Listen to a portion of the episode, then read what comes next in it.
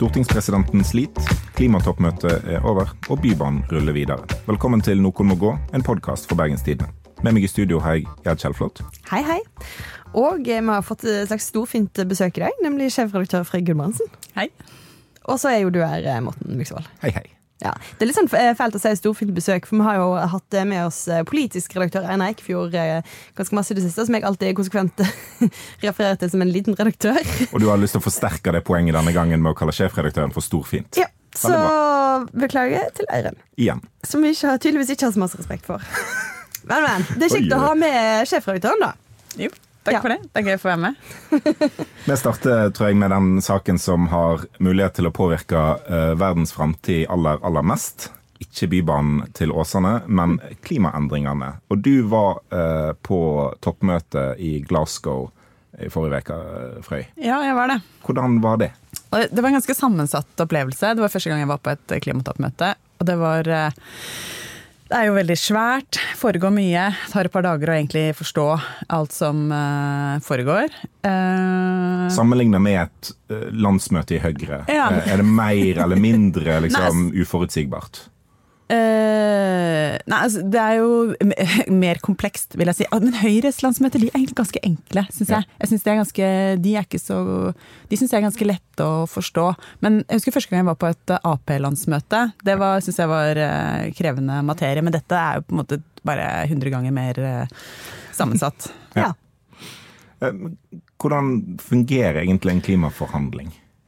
Nei, altså, det, På et sånt klimatoppmøte så skjer det jo mye. Og den ene delen, og selvfølgelig det viktigste, det er jo eh, forhandlingene om eh, hvordan landene skal samarbeide om å redde verden. Kort oppsummert, ja. Eh, og det de forhandla om nå, var jo hvordan man, eh, som var veldig viktig, var jo å få, få på plass de siste bitene av Parisavtalen. Hvordan skal man samarbeide mellom land Eh, og der hadde jo Norge et veldig viktig oppdrag i å få landa detaljene på det som heter artikkel 6, som går på eh, ja, samarbeid mellom land. Og så er den andre tingen som de forhandler om, det er den der svære politiske slutterklæringen. Som er en, bare, altså en politisk uttalelse fra alle verdens land. Ja. Eh, og det er, det er liksom klimaforhandlingene. Men så skjer det jo en del ting i tillegg. Eh, som, eh, som, ikke er så lett å få uh, ja, oversikt over. Um, og det ene er jo alle aktivistene selvfølgelig, som er der bare for å påvirke mm. uh, forhandlingene. Men så er det mange sånne initiativer som kommer opp. Uh, det høres litt vagt ut. Ja. Som Men, for eksempel F.eks. noen som sier hei, skal vi gå sammen og prøve å redusere utslippene av metan. Mm. Eh, og så får de med seg en del altså er det en del land som bare ja, ja, det høres ut som en skikkelig god idé å redusere utslippene av metan. Og så, og så eh, lager de en slags avtale mellom de landene om hvordan mm. de skal få til det. Et annet initiativ er jo Danmark og, og Men er det fordi de ikke får det inn i den slutterklæringen, og ikke får alle land med på sånne kutt? Nei, jeg tror det er uh, Det kan du si, ja, det ville jo aldri fått fått gjennom alle disse initiativene i en sånn altså For det er jo helt umulig for alle land med på det. Mm. Så, men det er også noe for at alle er jo der. Altså Alle som jobber med klima. Alle, altså, ja. Du har toppolitikere, du har klimabyråkrater. Altså Alle er jo der de to ukene. Mm. Så det er et veldig bra sted å samles fra. Uh, prøve å få til ting sammen. Da. Mm. Og Et annet uh, eksempel på sånt initiativ var jo Danmark og Costa Rica, som, uh, som har laget et sånt initiativ for å få land til å redusere produksjon av, eller, av, redusere produksjon av olje og gass. Mm. Eh, et initiativ som Norge ikke er med på. Selvsagt. Hallo. kan ikke være med på det. Nei. Men denne slutterklæringen, der skjedde det jo noe på slutten. og Vi skal høre litt på Alok Sharma, som er president for klimatoppmøtet. Hvordan han oppsummerte, eller avslutta møtet i forrige uke. May I just say to all uh, delegates, um, I apologize for the way this process has unfolded, um, and uh, I'm deeply sorry. I also understand the, the deep disappointment. But I think, as you have noted, it's also vital that we um, protect this package. Han var lei seg, og, og, hva var grunnen til at uh, Sharma var lei seg? Hva skjedde egentlig helt på slutten der uh, India drev på med noe tull, gjorde ikke det? Jo, men jeg tror, altså først og fremst, jeg vet ikke om du Morten, har hatt erfaring med det i det siste, som, nå som du har fått en unge, men altså, når du ikke har fått nok søvn eh, over en periode, så blir du fort lei deg. Ja. Eh, det, kan tenkes at, at det var noe sånt som spilte Han var spilte nær med å begynne å grine her. Ja, han, eh, han begynte å gråte. Og det, det er en følelse vi alle sikkert har kjent på, at når man ikke har fått nok søvn, så er det lett å begynne å grine. Altså, jeg begynner å grine ganske lett uansett, egentlig. Så det Ikke sant? Det er ganske vanskelig å redde verden på lite søvn. Definitivt. Men det som skjedde på slutten, det var jo at uh, India, og sammen med Kina, uh, de uh, ville ikke fase ut bruken av kull, de ville bare fase den ned. Ja. Eh, og det er jo Altså det at det sto der i den slutterklæringen at man skulle gjøre noe med, med produksjon av kull, det var jo veldig, veldig bra. Og det står også nevnt fossil energi, det står også nevnt, og det blir jo er mange som vurderer som skikkelig, skikkelig bra. For det er et gjennombrudd. det er et gjennombrudd. Ok, For det har ikke stått før? Nei, man har ikke nevnt sånn sett at hvis man skal redde Hvis man skal unngå for høy eh, Altså hvis man skal redde verden, så må man gjøre noe med eh, fossil eh, energi, da. Nemlig. Det, men den sammenhengen her var veldig møte nummer 26, og en begynner å ta opp fossil eh, ja, Jeg overdriver energi. kanskje litt, altså, men det at det sto nevnt, sånn, nevnt så tydelig som det, som det gjorde i det, fall det utkastet, da, det var eh, et, eh, det var et viktig steg videre. Men India sier fase ned, ikke fase ut, og resten av verden er nødt til å bare akseptere det. Hvordan er det mulig? Ja, det er jo fordi at eh, styrken i slutterklæringen er at alle land står bak den. Alle er med på den. Ja. Og da er jo vurderingen at altså hvis India da sier at mm, mm, hvis ikke vi bytter ut det ordet, så signerer ikke vi. Altså det er jo det er viktigere, og det var det han Alex Sharma sant, mente, da, at det var viktigere å få alle med, og få India med på avtalen, enn altså, Protect the package. ja, altså. ikke sant? for India er jo også en ganske stort land som slipper ut masse. India Ja, de- betyr noe i klimakampen. De har flere innbyggere enn Viken fylkeskommune. Det er helt, Så det er Større utstrekning òg. Ja, det, det er det ganske mange som er. Tross alt, ja. Nei, så, det, så derfor så blei jo den eh, svekka helt på tampen, og det var det jo mange som med god grunn blei lei seg for. Men India fikk jo litt kjeft der, og jeg tror de kunne unngått en del kjeft hvis de bare hadde innsett at det er ikke nedfasing versus utfasing som er liksom in vogue i år. Altså India burde jo sagt vi skal utvikle, ikke avvikle eh, kullindustrien. Da hadde de jo mest sannsynlig fått ganske masse ros fra resten av verden og sagt ja, det høres fornuftig ut. Ikke sant? Ja. Ja. Nei, begge uh, words matter. Ja. Men ehm, eh, hva eh, gjorde deg mest på en måte håpefull etterpå, da? For man må jo ha noe håp, må man ikke? Nei, men jeg synes jo det som, det som altså, De forhandlingene har fått masse kritikk for at det var så mange som ikke fikk, fikk være med. Altså, særlig mange aktivister fra land i sør klarte ikke å komme seg til Glasgow. På grunn av, altså, vaksinen er jo skjevt fordelt i verden, og det gjør jo at mange ikke hadde mulighet til å komme inn. Ikke sant? Det var jo et eh, altså det, Måtte du ha koronapass? Oh yes, du måtte Ja. ha koronapass, og du måtte, ja, det var my, mye testing og mye greier. da. Men, Så det gjorde at mange ikke fikk komme inn. Men likevel, så det, det er jo virkelig folk fra hele verden. Ja. Altså Jeg fikk jo snakka med folk fra eh, veldig mange forskjellige land i løpet av de dagene jeg var der. Og det, eh, sånn det var nå i hvert fall for meg, etter å ha vært eh, nesten sperra inne i Bergen i halvannet år, så var det, var det i hvert fall en eh, fin opplevelse å se liksom, folk fra hele verden samla. Men det som jeg tror kanskje er det viktigste, i tillegg til at den slutterklæringen er liksom, kanskje grei nok, da, det er at jeg tror at forståelsen av at det virkelig haster, eh, den er liksom blitt dypere nå. At det derre Altså eh, alle, alle skjønner det nå, at nå må vi forte oss. Og de skal samles igjen neste år for å forsterke mål. Og, så jeg tror at dette møtet representerer at man en eh, opptrapping, og at man får eh, oppfarta. Ja. Men, men altså, er det, er det nok, da? Det, det vet Ja, for- jeg jo ikke. For en av de tingene de har blitt enige om i den slutterklæringen, er at til neste år skal alle rapportere nye mål. Norge Ja. har gjort det. eh, Men er det liksom nye mål en skal leve av etter oljen? Er det det som skal få oss i havn, eller er det, diskuteres det òg tiltak? Altså de, eh, det er jo tiltak altså Mål betyr jo ingenting uten tiltakene. og Det er jo det, det var en av diskusjonene som pågikk også, eller som fikk en del oppmerksomhet under møtet. at liksom, Hvis du ser på målene, så kunne man dra eh, temperaturstigningen ned til 1,8 grader. Men hvis du ser på tiltakene, så har man liksom gått over. Så tilsvarer de bare ja, 2,4 grader eller noe sånt. Ja. Så det er klart, man må jo, det er jo tiltakene må, jo, må man jo gjøre noe med, og man må, og det, man må begynne med de nå. Man kan ikke vente, vente så veldig lenge, da. Ja. Men, eh, men jeg tror jo det betyr noe at at eh, altså det er ganske det, altså Mål sender jo noen sterke signaler, da. Så jeg er jo kanskje sånn moderat håpefull eh, etter å ha vært der, da. Ja. Tror du at verden klarer å begrense oppvarmingen til 1,5 grader? Å, kanskje ikke 1,5. Nei, kanskje ikke 1,5. Fordi vi er på 1,1 nå. Altså vi, vi tikker liksom i det retning. Ja da. Ja. Eh, så det, og og 1,5 grader, det er liksom ikke sånn Det, det høres jo veldig lite ut. Eh, men det er jo det, det får jo store konsekvenser, bare det. Og forskjellen mellom halvannen grad og to grad er jo Nei, fordi mengden, mengden man kan slippe, av klimagass man kan slippe ut, den er jo Altså, det, det blir jo mindre og mindre i, i, igjen, ikke sant? Ja, ja. For at man skal ja, klare men det. taket. Ja, og jo treigere det går, jo raskere må en kutte etter hvert. Eh, og problemet med den måten å gjøre det på, som virker å være den norske måten å gjøre det på, er at klimautslipp akkumuleres jo i, i atmosfæren. Så slipper du eh, Når du nullutslipp i, netto nullutslipp i 2050, så det betyr noe hvordan du gjør det. Ja. Men jeg må si at jeg, jeg tror altså, Det var ganske skuffende at uh, altså, det som kom i forbindelse med statsbudsjettet, at, så, at man ikke kutter nok i Norge nå med en gang. da.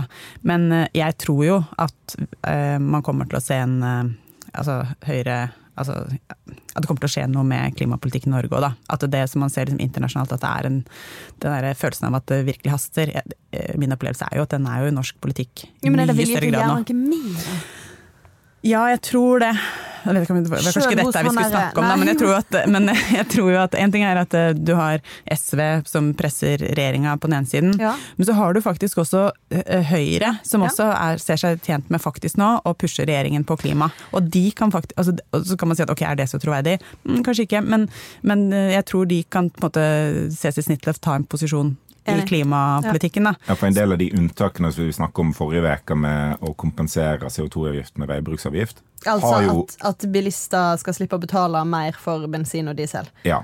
Eh, Det gjorde jo den forrige regjeringen òg. Det er bare at den ene, det ene budsjettet der de visste at de slapp å forholde seg til eh, Frp fordi de hadde tapt valget, Ja. eh, så kom de ikke med den type kompensasjon. Men det gode med det da er at, eh, at når det nå SV skal forhandle med regjeringen, er at de har jo egentlig ingen å venne seg til.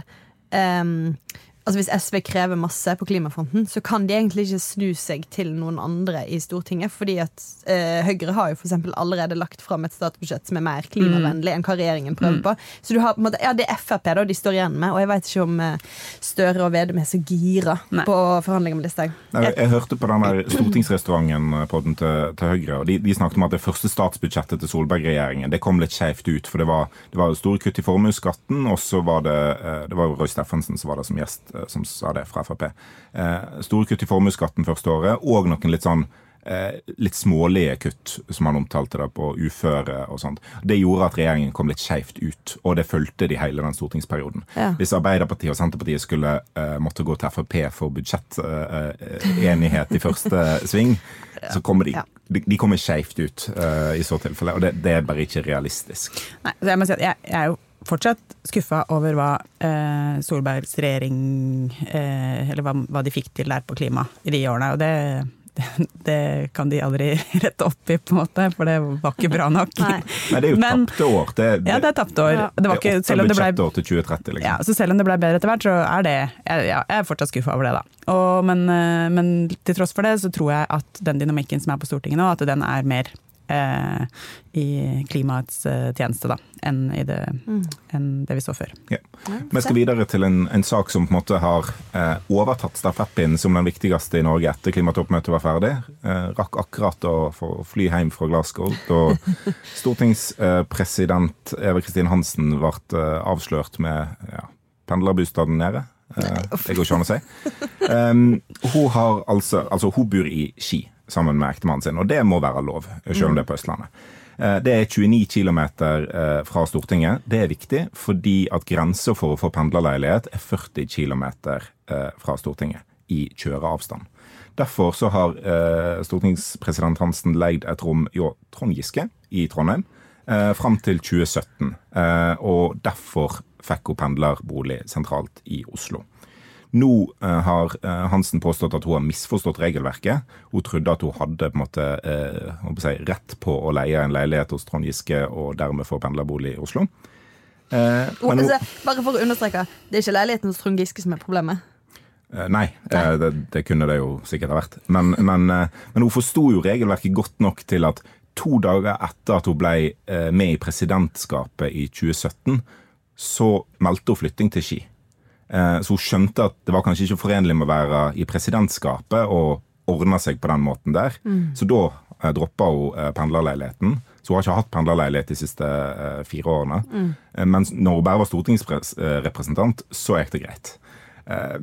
Ja, det er jo litt spesielt. Eh, Hansen snakker med Dagsnytt 18 på NRK onsdag, og vi skal høre litt på det. Jeg har fått, blitt valgt som stortingspresident med tillit i Stortinget. eh, Og jeg har ingen planer om å gjøre noe annet. Eh, Men jeg hører jo at enkelte representanter er kritiske, og det har de selvsagt eh, lov til å være. Må hun gå? Ja, det tror jeg. Eller Jeg skjønner ikke hvordan hun ikke skal måtte gå. Men det er på en måte ho, eh, hoved... for- Ok, Mange mener at hun nå må svare på mer spørsmål, hun må få vite mer osv. Det er sikkert fint. Greien er at hun er stortingspresident. Hun er den som er ansvarlig for å rydde opp i en skandale som allerede var på gang før hun ble stortingspresident. Det går ikke an når hun sjøl har eh, en sak gående og har tydeligvis svin på skogen. Beklager. Funker ikke. Hadde ikke gått inn Altså, hvis Frøy her, da, som er en toppleder, hadde noe ugne ugnegreier på gang Nå er jeg veldig spent på hva som kommer. Jeg angrer meg allerede på at jeg gikk ut på den veien. Så kunne ikke hun ha leda eh, arbeidet med å granske seg sjøl som toppleder. Ja, Det hadde sett rart ut hvis Trond Giske ble oppnevnt som leder for et organisasjonsutvalg i Arbeiderpartiet eh, Ja. liksom våren 2019. Ja. Eh, bare fordi han hadde erfaring med eh, metoo-saker.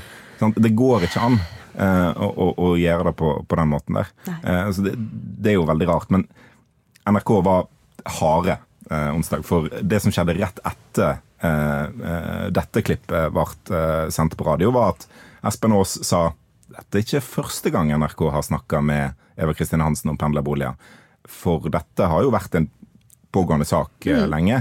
Og, og da eh, vi, eh, sendte de da et klipp fra en måned siden, der Hansen eh, sa noe om at hun forsto at folk kunne være irriterte over at det så ut som at stortingsrepresentanter eh, tilrøver seg ting de ikke hadde krav på. Og så kommer dette her. noe Det er så vondt. Og det som er liksom det har vært mange pendlerboligsaker, og Kjell Ingolf Ropstad har gått av som KrF-leder. Eh, den saken var jo litt sånn sketchy moralsk. Denne er det sketchy moralsk. Men det som skiller disse to sakene fra alle de andre liksom, menige stortingsrepresentantene, er at de har ikke noe verv de kan trekke seg fra. Altså, Stortingsrepresentant er du ut perioden. Uansett. Stortingspresident er et tillitsverv på Stortinget.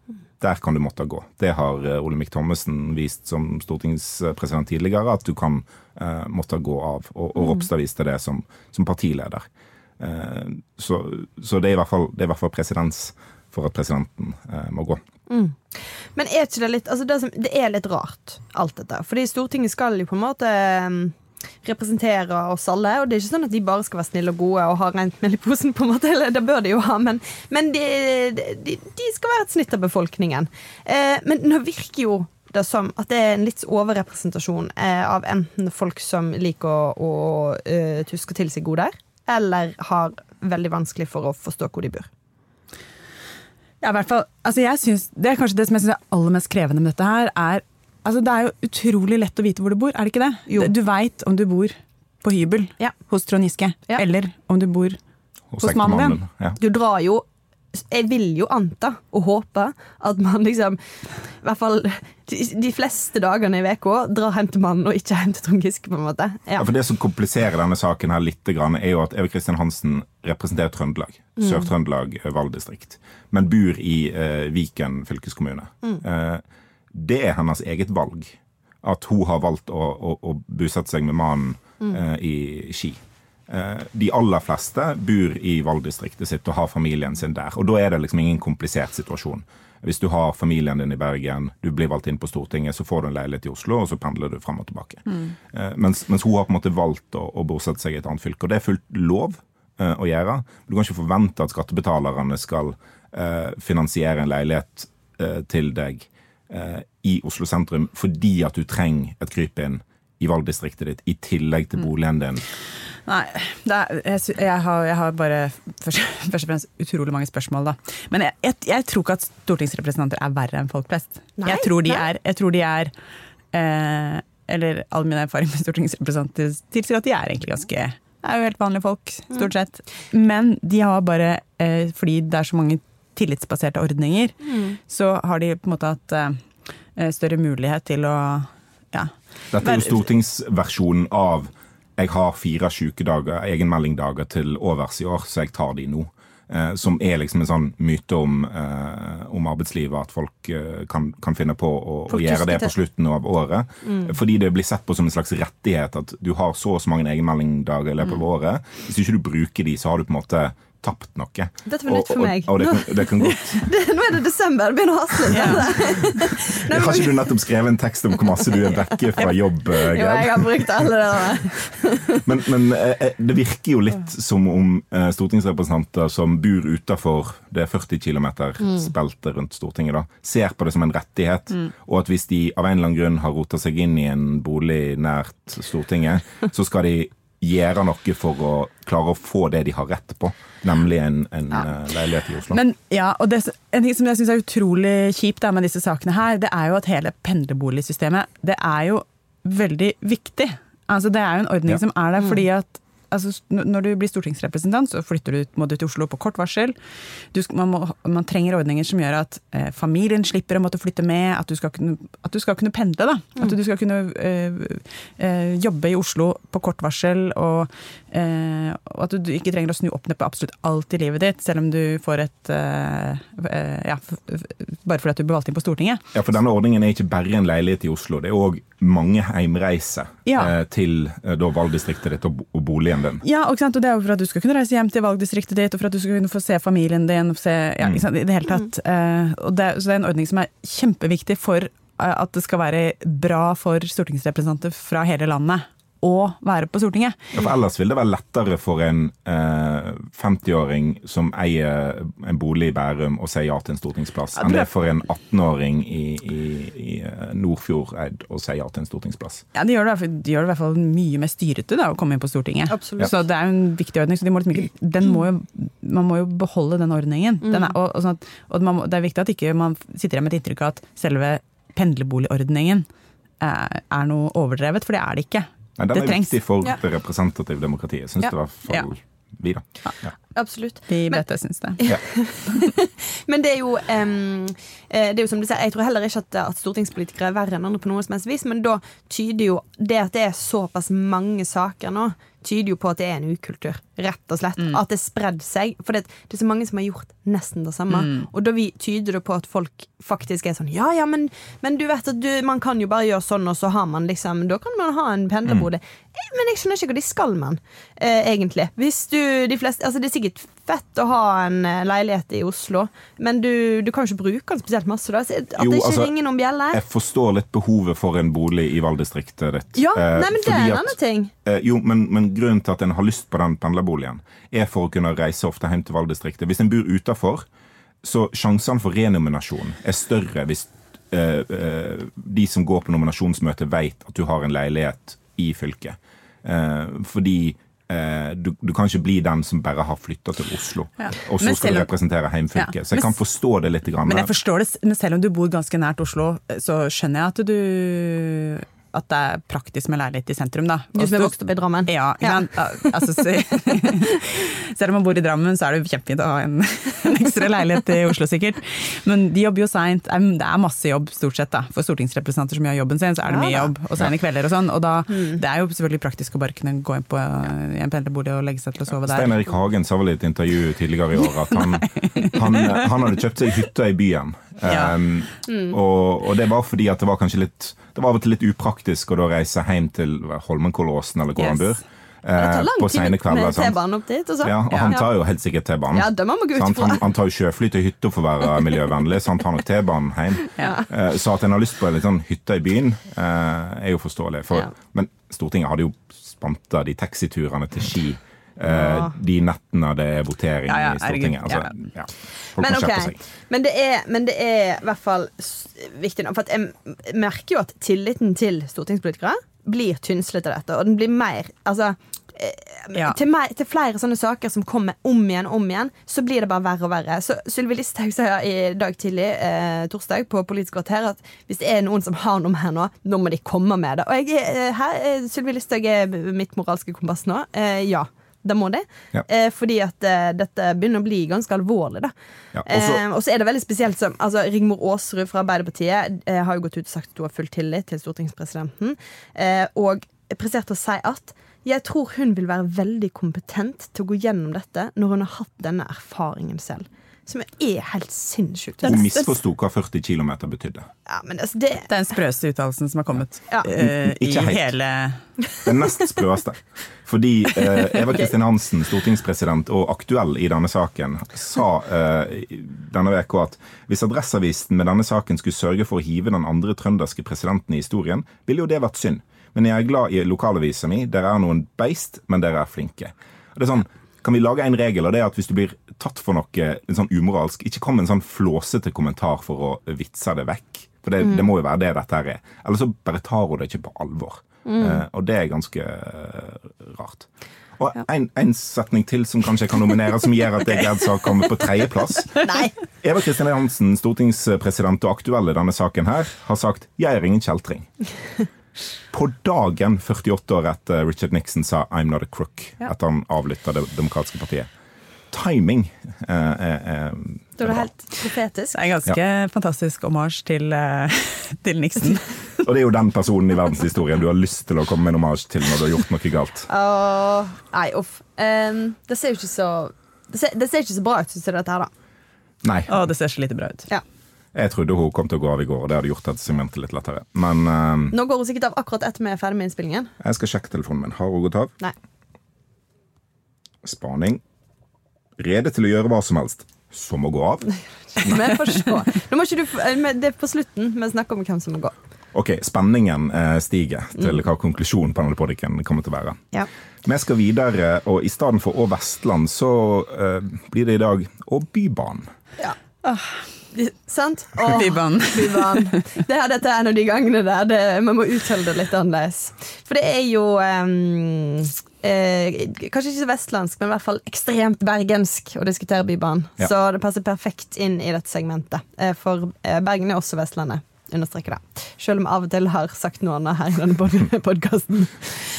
Um, det er altså nå, når vi spiller inn, seks dager til den store dagen, onsdag 24. november, der Bybanens uh, framtid og vei mot Åsane skal avgjøres uh, for tredje gang. Uh, så det er den store dagen. Julaften. Eh, nei, den kommer senere. Nei. Vi eh, skal minne om situasjonen som er nå. Nemlig at byrådet i Bergen vil ha en trasé langs Bryggen.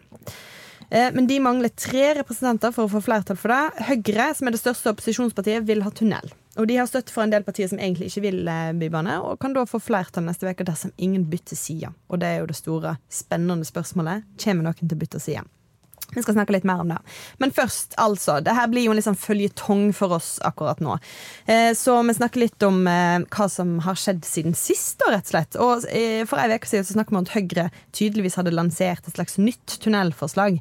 Det er på en måte ikke så nytt, så vi skal på en måte justere det litt, da. Det er en versjon av den tunnelen som er utreda nå, men de foreslår en del justeringer. Og bare for å liksom snakke om det. Det er jo lov å gjøre justeringer som politiker på det som fagfolk kommer med. Ja. Ja. Eh, og de, de endringene de gjør, er på en måte for å kutte litt i reistid. Og de ønsker også å få ned risikoen, eh, både for skade på eh, kulturminnene og for grunnvann osv. Så, videre. så alt dette er jo på en måte eh, logiske ting å gjøre. Og, men grunnen til at fagfolkene ikke har foreslått det samme, for de har jo selvsagt tenkt på det, de òg, er at fagfolkene mener at eh, du får en dårligere bane. Det er dårligere for de reisende. Fagfolkene mener at det bør være et bybanestopp i sentrum. Ja. Og- Eh, Og at den bør ligge der som man er, eh, de har foreslått. Ja. Fordi at da betjener det de reisende best. Så det er på en måte noe som, eh, som Høyre nå eh, og, og støttepartiene eh, diskuterer. Om de på en måte, da må de jo inngå kompromiss da, på eh, hvor god banen er for folk å bruke. eh, For å få ned kostnaden, kanskje, for å gjøre den eh, hele byggearbeidet litt mer um, Ha mindre risiko ved det hele, da. Ja. Ja. Eh, Vi hadde jo en duell her i går med Harald Viktor Hove og, i Høyre og eh, byrådsleder Roger Wallermø fra Arbeiderpartiet. Um, kom jo fram at de har de har jo en veldig forskjellig verdens uh, be, Altså de, de, ser på denne saken med veldig forskjellige øyne og har på en måte forskjell, forskjellige versjoner av eh, hva som lar seg gjøre og ikke gjøre. Ja. Eh, og, og, det forklarer kanskje litt uenigheten også her. At den ene siden er på en måte Nei, det, vi kan ikke bygge den tunnelen. Den er ikke det, det, kommer ikke til å bli noe bybane. Det, vi, kan vi, kan liksom ikke med ren samvittighet gå inn for det. Eh, mens HV og Høyre og tunnelsiden mener at dette får vi til. Vi er villige til å ta den risikoen, sa HV. Mm. Ja. Eh, og den risikoen handler jo om bl.a. setningsskade på fjellsiden. Så mm. det er jo det, det, er jo fra samme partiet som mener at uh, du vil rasere Bergen ved å legge Bybanen langs Bryggen. Så det er jo en sånn Hva er Bergen? Er det bare den fyllingen fra 1890 uh, attmed Bryggen? Eller er det fjellsiden og Skansen og liksom de tingene der? Det er jo men nå snakker du som om fjellsiden og Skansen kommer til å kollapse hvis vi lager en tunnel under det. det er en risiko for setningsskade. pga. Uh, en, en høy og uakseptabel risiko for setningsskade ifølge fagfolkene. Ja. Ja. Som ikke kan rettes opp igjen. Ja. Men er det ikke det som er litt av forskjellen da, på, på de som støtter eh, Bryggen-alternativ og de som støtter tunnel? At hvis man går for et tunnelalternativ, så altså eh, Ja, det er en risiko eh, ved det, og også en risiko for at kanskje ikke banen eh, blir bygget på ganske mm. mange år. Ja. Og at det også er sånn eh, Det er såpass viktig for dem at ikke man eh, får At ikke Bybanen går langs Bryggen. Mm. Eh, at, at, det er verdt å ta den risikoen, da. Og at det er en slags Det er noe av den, den uenigheten er Det er der de ser annerledes på, på saken, da. Mm. At, fordi at det vi vel vet helt sikkert, er at det er fullt mulig å bygge Bybanen langs Bryggen og den kommer til å bli bygd, og man vet tidsskjema osv. for hvordan det da vil mm. bli. Mm.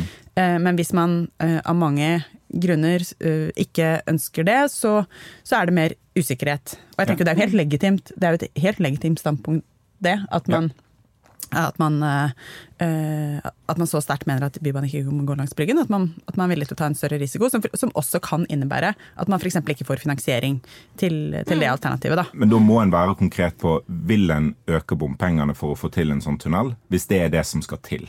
Og Det vil ikke Hove svare på, for han, han aksepterer ikke premisset om at det blir dyrere. fordi staten kan jo alltid komme med mer penger til Bergen. Mm. Eller det er ikke sikkert det blir så mye dyrere. Og, sånt. og det er et veldig dårlig svar på spørsmålet når folkemeningen i Bergen har satt sammen et bystyre, og det bystyret ble satt sammen etter et bompengeopprør.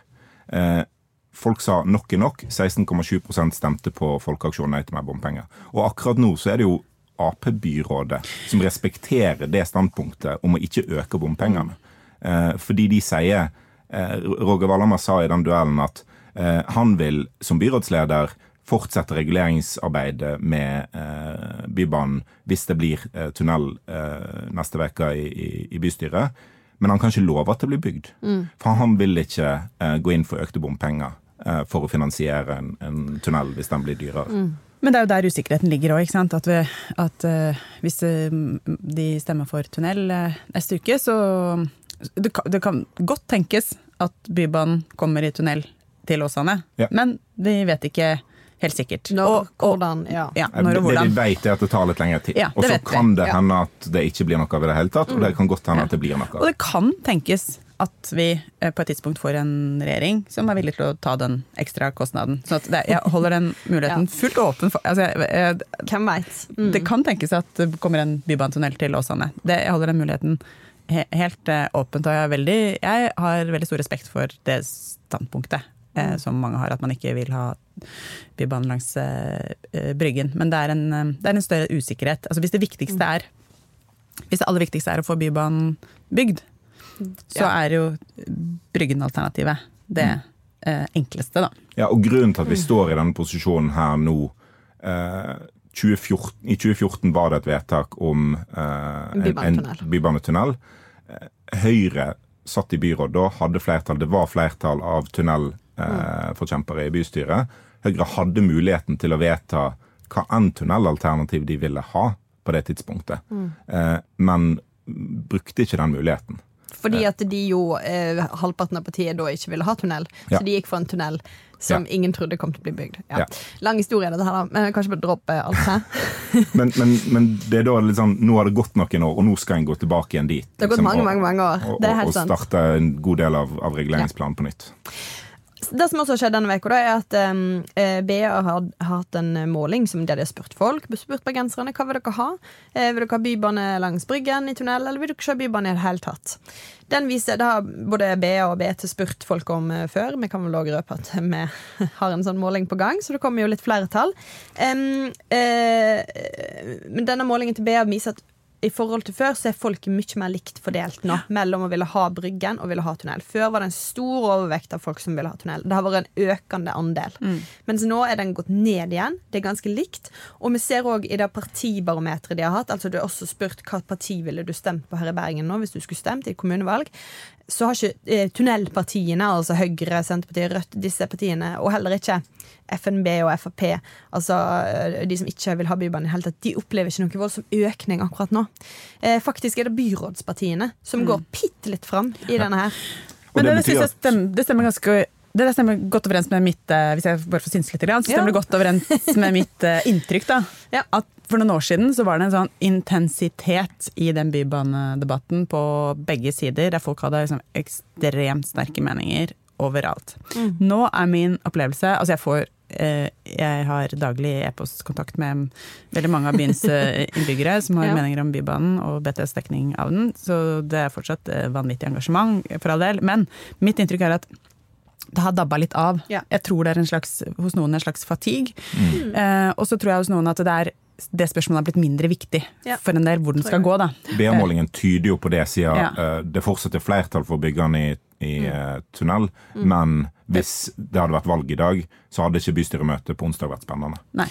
for da hadde det blitt Bryggen traff seg. Ja, og det, mm, ja, det, er virkelig det er veldig interessant. For, og det er noe som jeg tenker politikerne må ta litt inn over seg òg, ja. når de skal ta dette valget her. Fordi at eh, for, liksom, Kan vi være sikre på at dette er siste gang vi diskuterer dette? Kommer det til å bli et nytt valg? Nei, det må ikke bli det. For folk orker ikke mer. Altså, eh, neste, valgkamp, neste valgkamp må handle om noe annet. Mm. Nå eh, sitter de og diskuterer dette egentlig aller mest for sin egen del. Og det må de ta inn ved seg. Ja. Nei, for, altså, ja. Det er ganske mye som er viktig i denne byen, da, utenom Bybanen. Det er ganske ja. mye eh, som, eh, mm. å ta tak i. Og det er, jo, det er, jo, en interessant situasjon. og det er liksom De to partiene som, i, i, lag med SV som har vært mest eh, liksom, pro bybane langs Bryggen, KrF og Venstre, mm. sitter jo nå i byråd med Arbeiderpartiet. Ja. Hvis de taper den saken på onsdag, så har de signalisert i Bergens Tidende at det ikke er sikkert at de kommer til å sitte i byråd lenger. Ja. Eh, og det er jo for så vidt forståelig at hvis du Det, det var det var Bybanen langs Bryggen som gjorde at uh, KrF Venstre gikk til Arbeiderpartiet. Det var ikke ønske om å rekommunalisere uh, barnehager og uh, stoppe profitt i velferd eller, eller, sånne ting. Og mitt inntrykk etter å snakke med en del av de folkene i de partiene, er at de er litt lei av den å, å, være avhengig av SV, Rødt. Mm. De, de, de, har på en måte lyst å, å, å, samarbeide med noen som mener andre ting enn det. da. Ja. Men at Bybanen har, har stoppa for det. Så nå er det nok, og da vil jo kaste denne byen ut i fullstendig politisk kaos igjen? Det, dette er jo liksom Hvis et lite mindretallsbyråd skal bli enda mindre? Ja, dette er jo liksom return of bergenspolitikken, altså. Da er vi liksom Det er så flott! Åh, vet du hva, det er litt gøy. jeg hater det. Nei! Nei. Nå må du gi deg. Ja. Men det, vi kan jo enda ende i en situasjon um, på onsdag der, um, der Valdamer og byrådet går av. Han ja. blir ikke si noe om det. Det er på en måte logisk nok at han ikke sier noe. Uh, jeg vil bare si at det går av, på en måte. Altså, og det er ikke sikkert noen hadde brydd seg. Nei. Han har jo forsøkt seg med et sånn halvveis kabinettspørsmål tidligere i den Vigelo-saken uh, som jeg ikke får lov å snakke om. Ja. Uh, ja, det, det fungerte jo ikke. Det, det, da kan vi slå fast. Vi det fungerte ikke. Men, uh, men, hva tror dere, da? Hva, hva, hva blir det? Nei, altså Nå skal det skje ganske masse. Allerede, Vi spiller jo inn dette torsdag, og allerede i kveld så skal Senterpartiet møtes. Det er ikke et veldig sånn avgjørende møte i seg sjøl, men Senterpartiet er et parti som er i oppløsning. Fullstendig av veldig mange årsaker. Men det, jeg tror at det er ganske sannsynlig at to av deres representanter er snur. Um, og så uh, skal Rødt møtes i morgen. Uh, de um, Det er avgjørende. De skal ha et årsmøte. For de kan, eh, hvis de snur i denne saken, så har de tre representanter. Og da, da er det jo på en måte avgjort. For de vil egentlig ha tunnel. Um, men om de snur, er et stort spørsmål. Kanskje vil de gå i forhandlinger med byrådet. Um, jeg veit ikke. Uh, de har tidligere hatt to standpunkt, som er at de vil ha tunnel, men de vil også ha kontinuerlig utbygging. De går ikke overens. Nei. Det er ikke, det er ikke sjans. Hvis du går for tunnel nå, så blir det ikke en kontinuerlig utbygging etter at Fyllingsdalen-banen er ferdig. Da blir det ventetid. Men det blir drama på det møtet fortsatt, fordi eh, Det er uenighet i Rødt. ja, Særlig Sofie Marhaug som nå er på Stortinget har jo vært krystallklar på Hun har, tunnel. hun har vært krystallklar på begge disse to budskapene, hvis vi skal Ok. være helt ærlige. okay. Ja, hun har, eh, hun, jeg las nettopp om igjen et eh, leserinnlegg fra før eh, valget i 2019. Som hun skrev sammen med Tor Håkon Bakke, Bakke. som nå er byråd for byutvikling. De, for de fikk kritikk fra SV om at Rødt og MDG satte Bybanen i ja. fare. Og hun bare nei, nei, nei. Eh, de skrev der det viktigste, for, det viktigste for oss, står det der, er kontinuerlig utbygging. Så Det der de står det egentlig at de ville belite seg hvis det var sånn at tunnelen tunnel ville føre til forsinkelse. Så um, egentlig, hva, ja, hva kommer til å veie tyngst på fredag for Rødt? Det er et stort spørsmål. Veldig spennende. Men eh, hvis de står på sitt og fortsetter med tunnel, så er det fortsatt Da står vi igjen med situasjonen at det er ei ei eneste stemme i bystyret som avgjør. Altså Hvis jeg har rett i at to fra Senterpartiet eh, snur. Og det er da ifølge BTs jokeroversikt, som dere som ikke har sett den, eh, må sjekke ut. For vi har eh, spurt alle sammen i bystyret hva de vil stemme. eh, Funnet ut at det fins noen jokere. Sin mest sannsynlige person er Henning Warloe i Høyre. Som ikke vil svare på hva han vil gjøre. Em, han har tidligere, altså tilbake i 2003, var, var han på en måte Da var han for, For eh, Bryggen. Okay. Um, ja da, Men altså, hva han egentlig mener inni hjertet sitt um, Men det, det er ikke alltid sammenheng mellom hva du mener i hjertet ditt og hva du stemmer i bystyresalen. Nei. Så vi, jeg tror vi kan være trygge på at han i utgangspunktet vil ha Bybanen langs Bryggen. Er- Føler du deg trygg på det? Ja, Men jeg er ikke trygg på at det er det han stemmer eh, Ok, i nei. bystyret på onsdag. Uh, Så, men det blir veldig, veldig spennende. Ja. Uansett, vi kommer jo til å følge alt dette her dramaet fram til onsdag, og selvsagt på onsdag. Vi skal, eh, kommer til å følge det direkte. Vi skal kommentere det direkte. Skal vi ikke det? da? Vi skal gjøre så masse. Vi skal gjøre så masse, så hvis dere er eh, interessert i Bybane, som jeg jo har fått med meg at folk er over det ganske land akkurat nå, eh, så må dere bare stay tuned. Vi har gravd oss så masse ned i denne saken at tunnelen til Sandviken er nesten ferdig. Før vi avslutter, før vi avslutter, er det noen som må gå denne uka? Ja, jeg tror, ja, Ja, tror det. Der er det er. Mm, Stortingspresidenten skal gå. Ja, det var noe med pendlerleiligheter og noe greier annet. Ok. Innspill og tilbakemeldinger det sender du til nmg snabela bt.no, som de sier på Norge Rundt. Ja. Eller i Facebook-gruppa eh, Noen må gå. Vi kommer med en ny episode neste torsdag. Intromusikk det var 'Bergensere' av Bjørn Torske. Produsent er Arve Stigen. Du finner podden i BT-appen eller hvor enn du laster ned podkaster fra Verdensveven. Og jeg leser det ekstra fort nå fordi Frøy må gå i et møte. Ha det bra! Ha det!